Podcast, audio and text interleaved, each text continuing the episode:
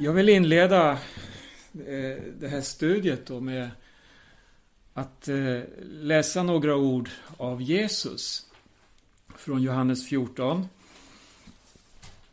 Där talar Jesus om eh, ett löfte som han har lovat sina lärjungar.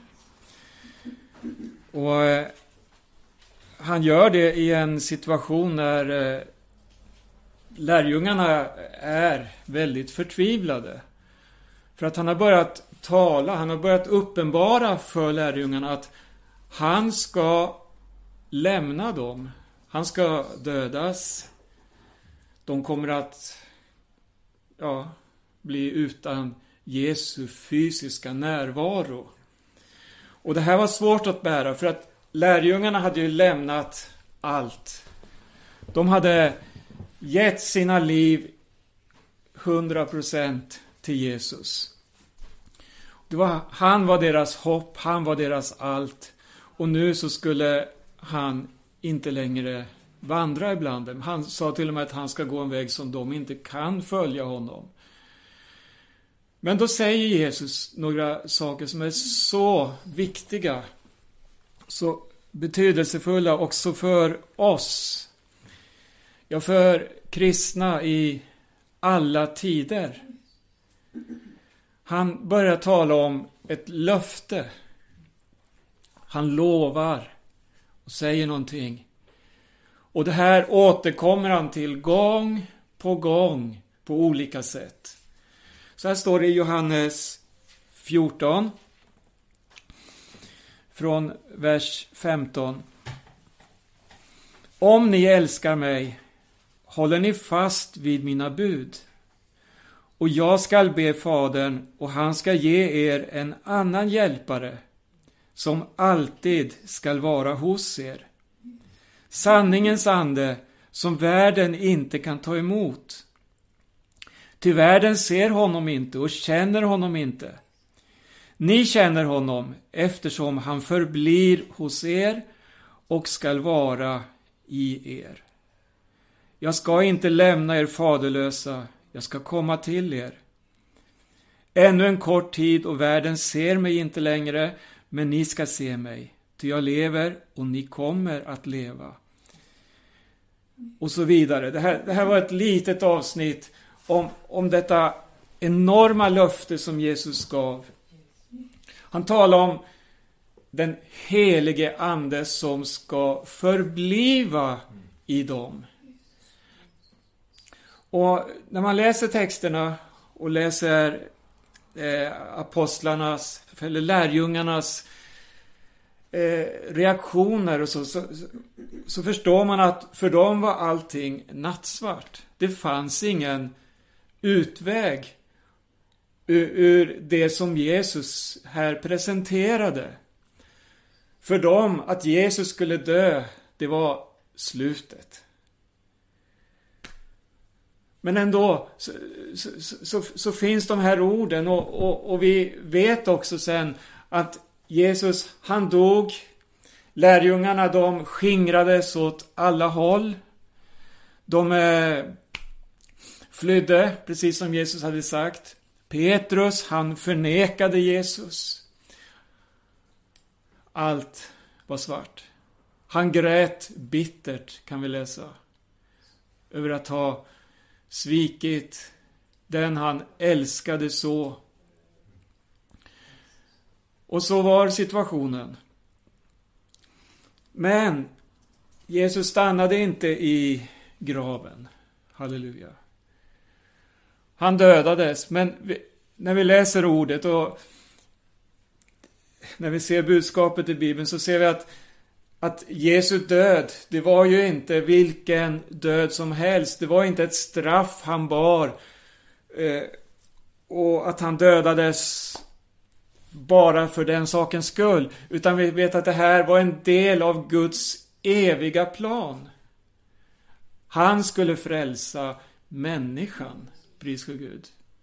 Han bar där på Golgata, i sin kropp, vad bar han? Ja, det, det är oerhört när vi tänker på vad vilken börda Jesus hade. I sin kropp bar han hela världens synd. All plåga, all sjukdom, allt var lagt på honom. Varför? För att vi ska få frid. För att vi ska få leva. Och som Jesus sa här också, ni kommer att leva. Sa han till sina lärjungar. Och det här, det här får vi ta till oss när vi hamnar också i såna här mörka passager. När vi kommer i situationer där vi inte ser någon utväg. Hos Jesus är ändå livet. Hos Jesus är hoppet. Han är den enda som kan ge dessa löften. Och så, och så, så läser vi här, han har gett den helige Ande. Det står att den helige Ande är en pant på arvet. Du vet när man ärver någonting. Det man ärver, det, det får man ju först när personen har dött. Men det står att den helige Ande är också en pant på arvet, alltså på det arv som väntar den som har livet i Jesus. Pris för Gud. En evighet tillsammans med Jesus. Finns det något mer underbart? En dag ska vi se honom. Hör. Öga mot öga. Sådan som han är. Nu ser vi på ett dunkelt sätt. Trots att vi upplever alla dessa underbara stunder tillsammans med honom. Så, är det ändå på ett dunkelt sätt vi ser. Trots att den helige Ande fyller oss, uppenbarar honom för oss, så är det ändå ingenting att jämföra mot den dagen då vi ska skåda honom sådan som han är. Det är stort.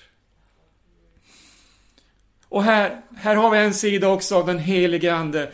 Jesus säger så här i 16 kapitlet i Johannes. Vi kan läsa från vers 7. Jag säger er sanningen, det är bäst för er att jag går bort. Ty om jag inte går bort kommer inte hjälparen till er.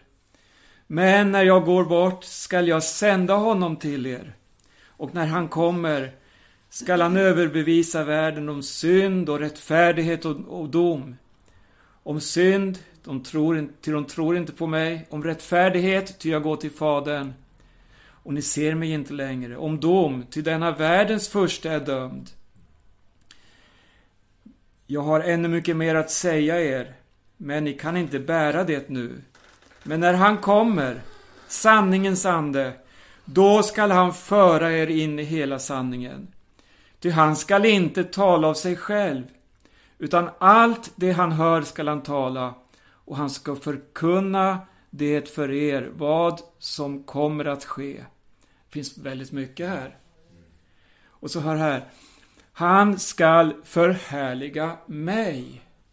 Här har vi en stor uppgift för den helige Ande. Han målar Kristus för våra liv. Han hjälper oss att se Kristi härlighet. Hur stor han är, hur skön han är. Han hjälper oss att bära fram ett levande vittnesbörd om denne Jesus. Så att alla människor får se honom, så att alla människor blir överbevisade om om vad läste vi här? Om dom, om synd och rättfärdighet. Allt det här. Jag tänker när, när, när lärjungarna var samlade i Jerusalem. Man hade fått uppleva detta andens dop. Då står det om människorna som hörde deras budskap. De kände ett styng i sina hjärtan. Det handlar om syndanöd. Käre Jesus. Ja.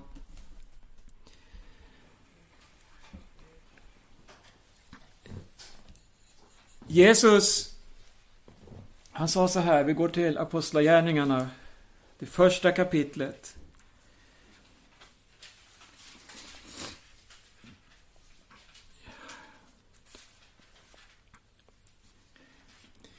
Vi läser i vers 4.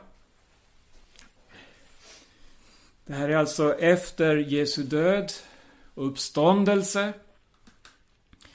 Jesus han har under 40 dagar samlat sina lärjungar, undervisat dem, instruerat dem dagar som kommer, om uppdraget som de har. Och det här att de ska inte gå i egen kraft. De ska inte försöka ge sig ut och skapa något eget. Utan, hör, hör här. Lämna inte Jerusalem. Utan vänta på vad Fadern har utlovat. Det som ni har hört av mig. Ty Johannes döpte med vatten, men ni skall om några dagar bli döpta i den helige Ande. Det här, här var något av det sista Jesus sa till sina lärjungar. Det var viktigt.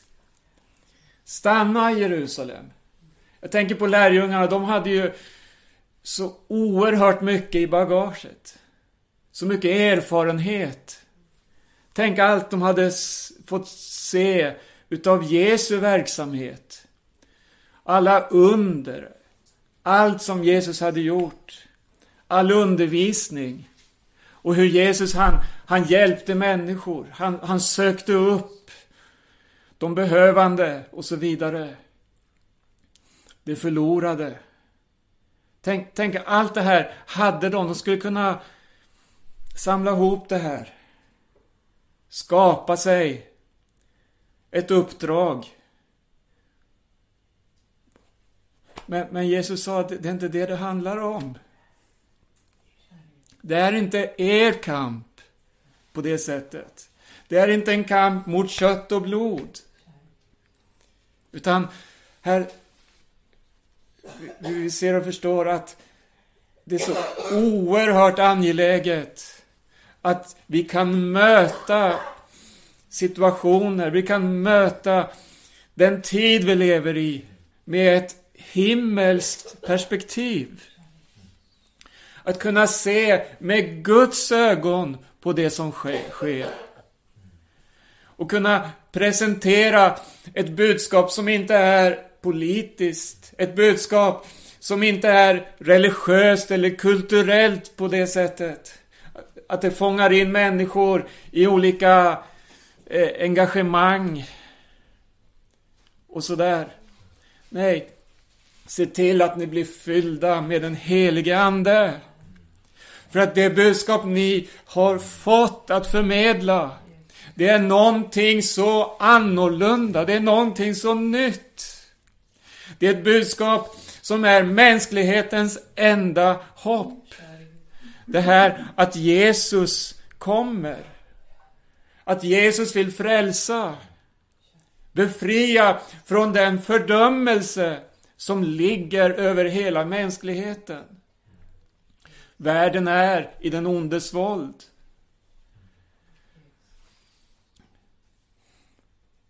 Men så, så, så sände Gud sin son Jesus. Halleluja. För att befria. Hur står det? Ty så älskade Gud världen.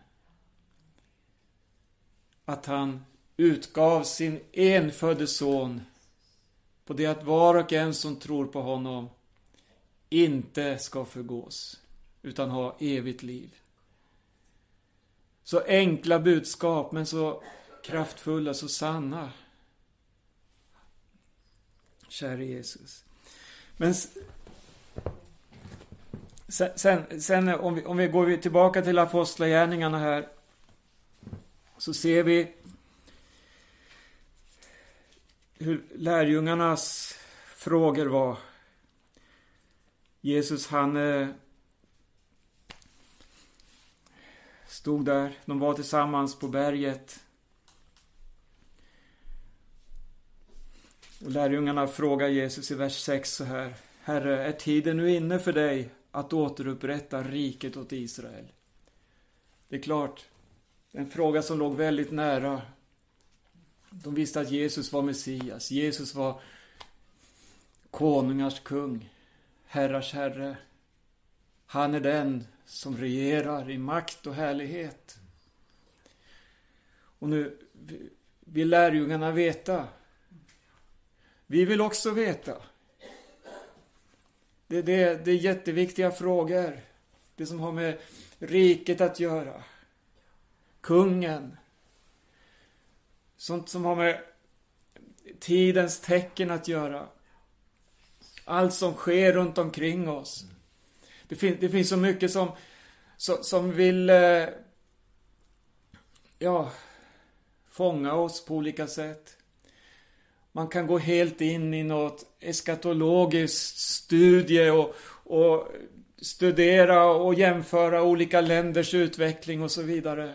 Och det finns väldigt mycket lärorikt, mycket profetiskt som händer. Men oavsett så finns det någonting som är ännu mer viktigt.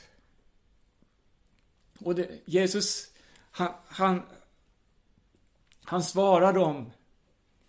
Han säger så här, det är inte er sak att veta vilka tider eller stunder som Fadern i sin makt har fastställt. Men, halleluja, det här behöver vi allihopa. När den helige Ande kommer över er ska ni få kraft och bli mina vittnen. I Jerusalem och hela Judeen och Samarien och ända till jordens yttersta gräns. Pris för Gud. Det största av allt det är att få vara ett vittne för Jesus. Halleluja. Att få vara tempel för den helige Ande. Käre Jesus. Amen. Så går vi till andra kapitlet. Ska vi se vilka det står om här. Det står så här att eh, alla var tillsammans. När pingstdagen hade kommit var de alla samlade. Då kom plötsligt från himlen ett dån. Som när en våldsam storm drar fram. Och det fyllde hela huset där de satt. Tungor som av eld visade sig för dem och fördelade sig och satte sig på var och en av dem.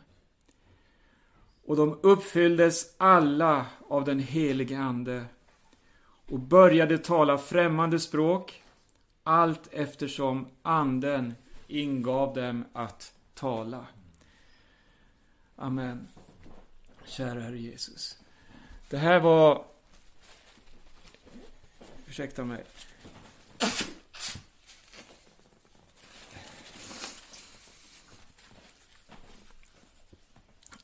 Här står det att alla uppfylldes av helig Ande. Det var inte några få, några speciella som nu skulle bli det här redskapet. Utan när vi läser i kapitlet innan så står det att de var 120 personer samlade i övre salen i Jerusalem. Där var man och väntade, bidade, man bad. Och så tio dagar senare, man höll ut i tio dagar och så står det att himlen svarade med eld. Och de blev uppfyllda av heligande. En gång till. Alla uppfylldes. Och så står det i fjärde versen så här. Allt eftersom anden ingav dem att tala. här skedde någonting revolutionärt, någonting oerhört stort i Jerusalem. Den urkristna församlingen föddes och påbörjade på detta övernaturliga sätt en verksamhet som, som tog tag i människor. Inte på ett intellektuellt sätt. Inte genom att det här var några duktiga teologer, några eh, bra lärare eller så, utan det här var människor, deras kännetecken. Det var det här att de hade varit tillsammans med Jesus. Det var något som präglade deras liv. De hade varit tillsammans med honom. Och nu var deras högsta önskan att likna Jesus. Att vara som honom. Att föra ut hans budskap. Och de förstod nog själva efter alla bittra erfarenheter, efter alla svårigheter de hade gått igenom. De hade övergett Jesus, de hade förnekat honom. De förstod att det här klarar inte vi. Men den här kraften, det här löftet som Jesus lovade, den helige Ande blev utgjuten. Och då på en gång, som en signal från ovan, så kan vi läsa vad som hände. Jerusalem fylldes av budskapet om Jesus. På alla möjliga olika språk. Alla som kom från olika länder. Det var många människor från olika platser den här dagen. Och alla hörde evangelium om Jesus på sitt eget språk. Käre Gud. Och så fick de på det här sättet inleda denna församlingens epok. Och jag tänker, när, när man eh, läser om den urkristna församlingen. hela den här kontexten, alltså det här sättet att tänka när det handlar om en församlingsverksamhet. Eh, vi ser när vi talar om en församling, då, då ser ju vi på ett sätt som är format utav traditionen. Det är format av alla dessa kyrkliga mönster. På det och det sättet ska en verksamhet fungera. Och det krävs nästan alltid att det ska vara en speciell byggnad en lokal, en kyrka. Och det ska vara ett anställt ledarskap, som är det vanligaste idag. Och så vidare. Och så har man eh, följt en, eh, en, en eh, tradition som har formats under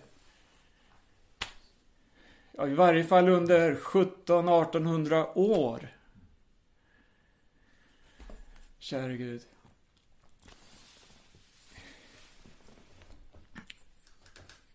Jag har skrivit upp några punkter på, på, på, på skillnader.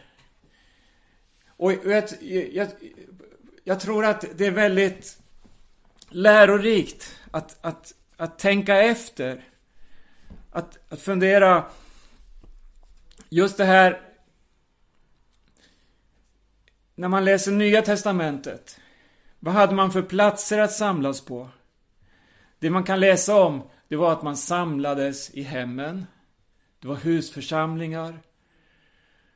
De predikningar man kan höra, de, de hörde man oftast ute på torgen.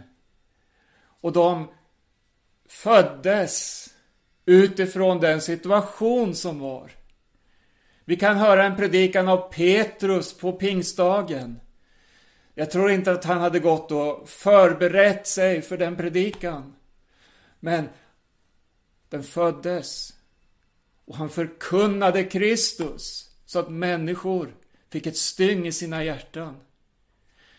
Vi kan höra en annan predikan av Stefanus. Jag tror Stefanus som, han var ju, hörde ju inte till apostlarna utan han var en diakon i församlingen. Han hade en tjänst i församlingen att servera mat vid borden. Men det står om honom att han var full av helig ande. Och så har vi i Nya Testamentet hans vittnesbörd. Som jag tror är Nya Testamentets längsta publicerade predikan. En oerhörd predikan. Där han talar utifrån den bibliska historien om Jesus. Var hölls den predikan? På gatorna. Utanför Jerusalem. Där han fördes ut för att i nästa ögonblick stenas till döds. Det var en predikan. Käre Gud. När vi talar om eh, att samlas, då säger vi att det behövs speciella byggnader. Men Nya Testamentet säger varje hem var en församling. Varje plats där det fanns två eller tre som var samlade i hans namn. Halleluja. Och sen, eh, jag tänker på det här med ledarskap också. Idag så finns det koncilier, styrelser, påvar, präster och så vidare. Ena titeln övergår den andra. Det här möter man på många olika sätt. När man läser Bibeln, där möter vi en gemenskap där man betjänar varandra. Det står om apostlar, profeter och äldste. Men de hade en uppdrag, en uppgift i församlingen. Den var inte individualistisk. Utan gemenskapen var i centrum. Det handlade om ett naturligt lärjungaskap. Och, och, och något av detta naturliga lärjungaskap, det formades också i den dagliga gemenskapen. Där man var tillsammans, man åt vid samma bord. Man delade med sig och så vidare. Och allt det här hör till en, den bild som Nya Testamentet ger oss av den urkristna församlingen. Och det i sig skapade en sån dynamik. Eller dynamit skulle vi kunna säga. Det var kraft i gemenskapen. Den var inte eh, på något sätt, vad ska man säga,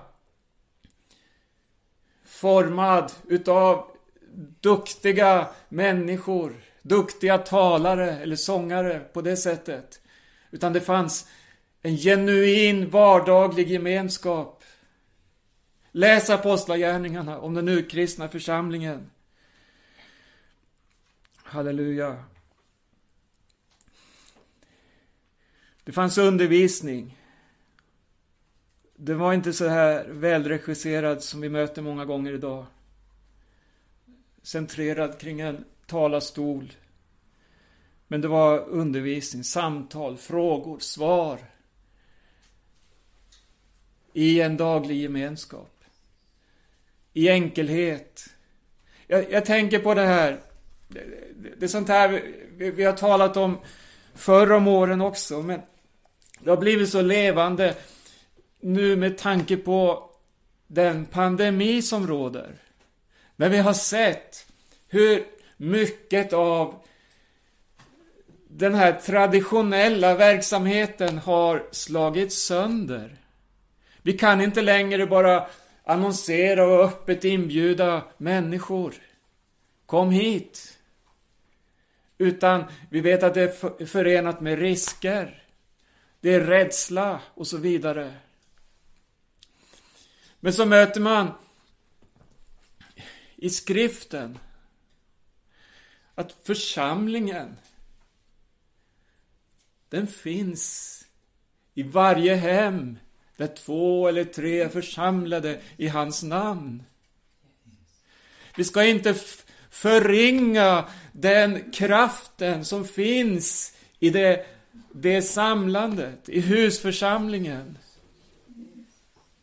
Utan det är verkligen en styrka.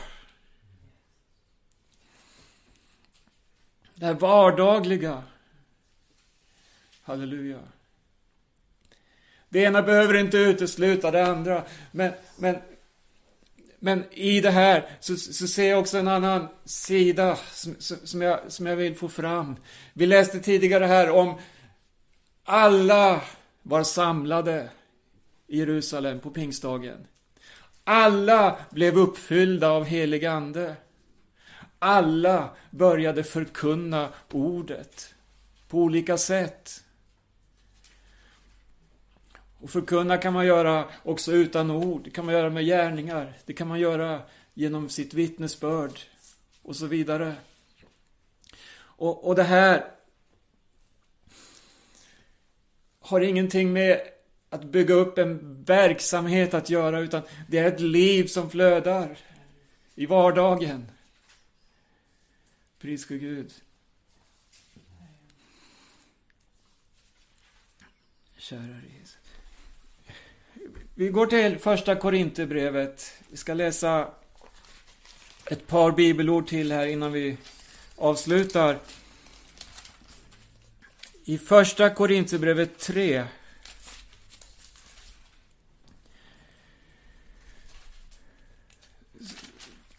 Paulus skriver här till församlingen i Korint. En församling som på olika sätt brottades med svåra problem. Men när Paulus skriver till församlingen så skriver han till syskon som är köpta av Jesu dyra blod. Syskon som, ja, han, han skriver så här som det som i världen var dåraktigt. Det utvalde Gud. Han talar om korsets evangelium som är en dårskap för världen, men som är en Guds kraft till frälsning. Det, det är det här tankesättet som förs fram i, i Korintierbrevet. Och så, så ser man hur Paulus, han sätter sig inte själv som en apostel ovanför de andra.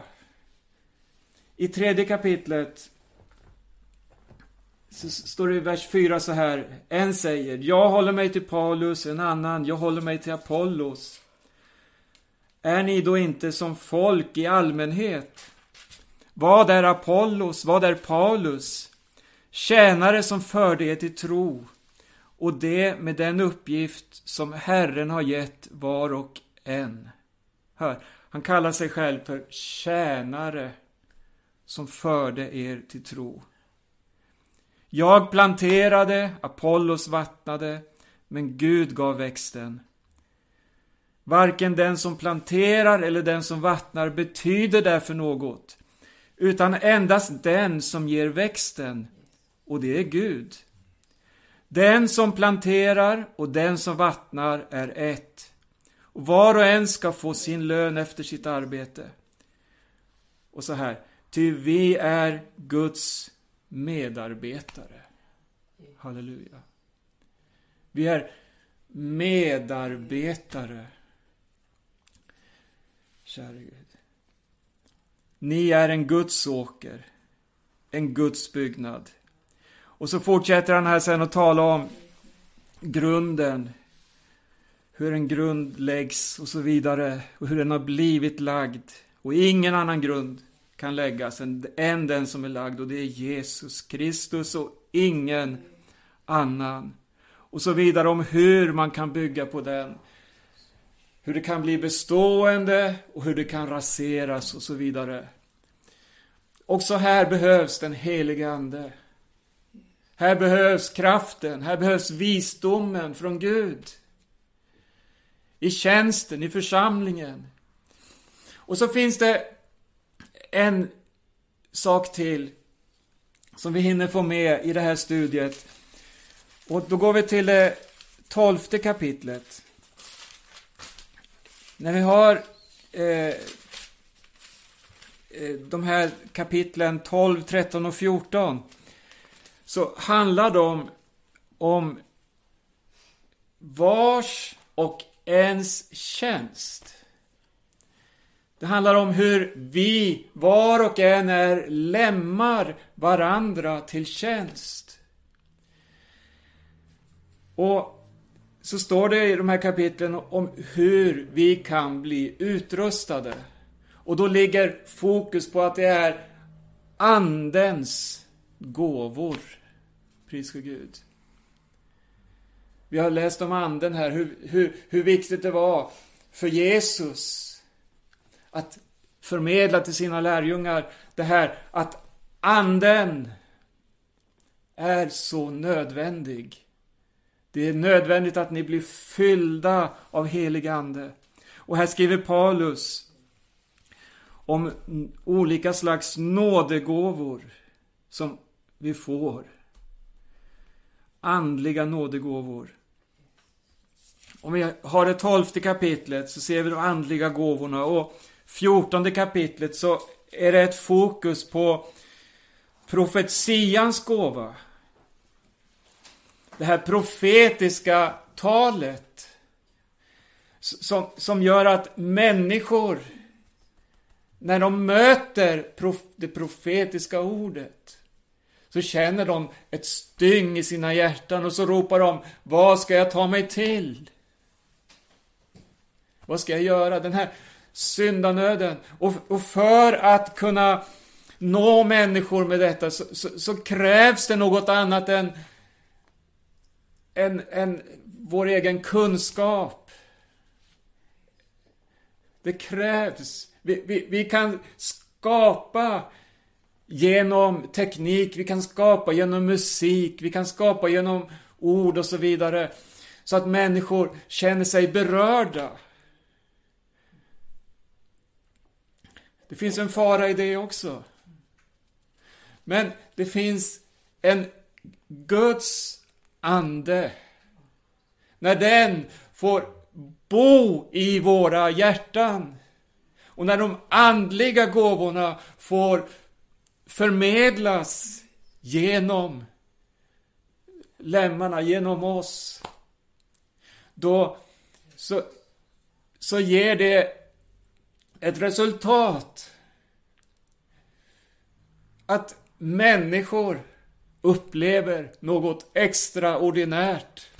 Någonting som inte kan kopplas till den ena eller andra på olika sätt, utan det är någonting som kommer direkt från Gud in i den människans hjärta.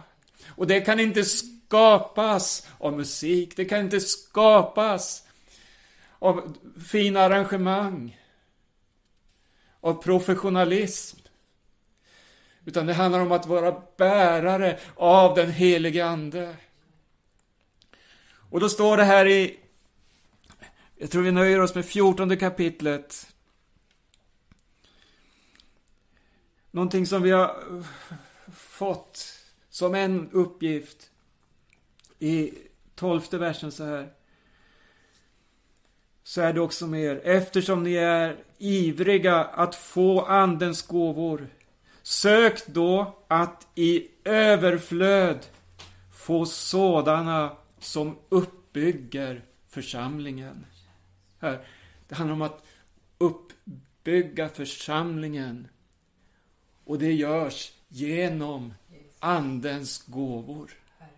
Det här är stort. Det, här, det här är en hemlighet som Gud har gett oss. Att bygga upp församlingen, det görs genom Andens gåvor. Och så står det, vi ska läsa någon vers till här, vi går till vers, ska vi se, 24. Om alla profeterar och en som inte tror eller förstår kommer in, då blir han avslöjad av alla och dömd av alla. Hans hjärtas hemligheter uppenbaras och han faller ner på sitt ansikte och tillber Gud och ropar Gud är verkligen i er. Här har vi det, det, det profetiska i den helige Andes verk. Det som uppenbarar hemligheter. Käre Gud.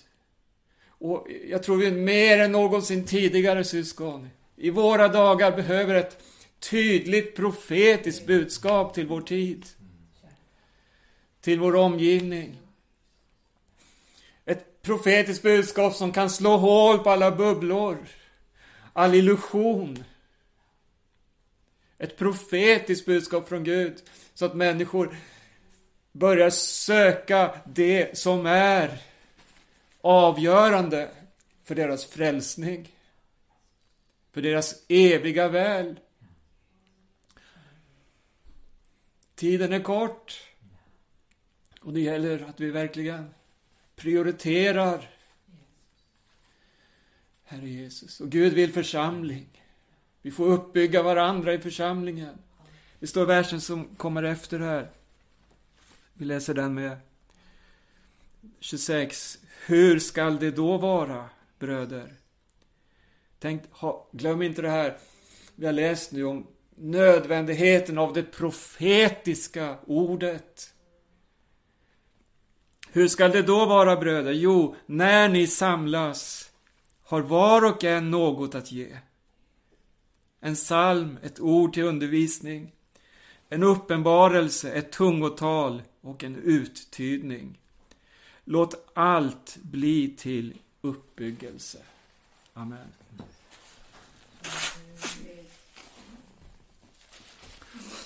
Amen. Vi stannar där ikväll och hoppas kunna återkomma ett annat tillfälle. Nu ska vi tacka Jesus tillsammans. Halleluja. Tacka honom för att han har gett oss sin helige Ande. Att han har fyllt oss, att vi får vara tempel åt honom. Halleluja. Så ber vi för vår tid. Vi ber att Herren ska använda oss, var och en, på olika sätt. Kära Herre Jesus. Fader i himmelen, vi prisar dig. Vi tackar dig för ditt eget ord. Halleluja. Och tack Herre att du är mitt ibland oss den här stunden, Herre. Tack Herre att du har gett oss dessa löften, Herre. Och vi ber dig, Herre, att du ska utrusta oss, Herre Jesus, med din egen Ande, Herre. Med ditt ord, Herre Jesus. Ett ord som kan få människor att, att, att eh, vända om till dig, Herre Jesus. Och Herre, ett ord som kan ge styng i hjärtan, Herre. Vi prisar dig, Herre Jesus. Tack att det finns ett hopp, en framtid, Herre. Vi lovar och prisar dig. Tack för seger i ditt namn, Herre Jesus. Vi lovar dig, vi lovar dig. Och Herre, vi beder också för var och en som är med och lyssnar, Herre. Du känner våra böneämnen, Herre Jesus Kristus. Och Herre, du vet om sjukdomar, Herre. Du vet om den som lider, Herre Jesus Kristus. Den som bär på saker som är svåra att hantera, Herre Jesus. Och gode Gud i himmelen, vi lägger fram det nu inför dig, Herre Jesus. Och vi vet, Herre, att det vi bär fram inför dig, så vet vi att du hör bön, Herre Jesus. Vi lovar och prisar dig. Tack för Golgata, Herre Jesus. Tack för försoningen, Herre Jesus. Vi prisar dig i Jesu namn. Amen.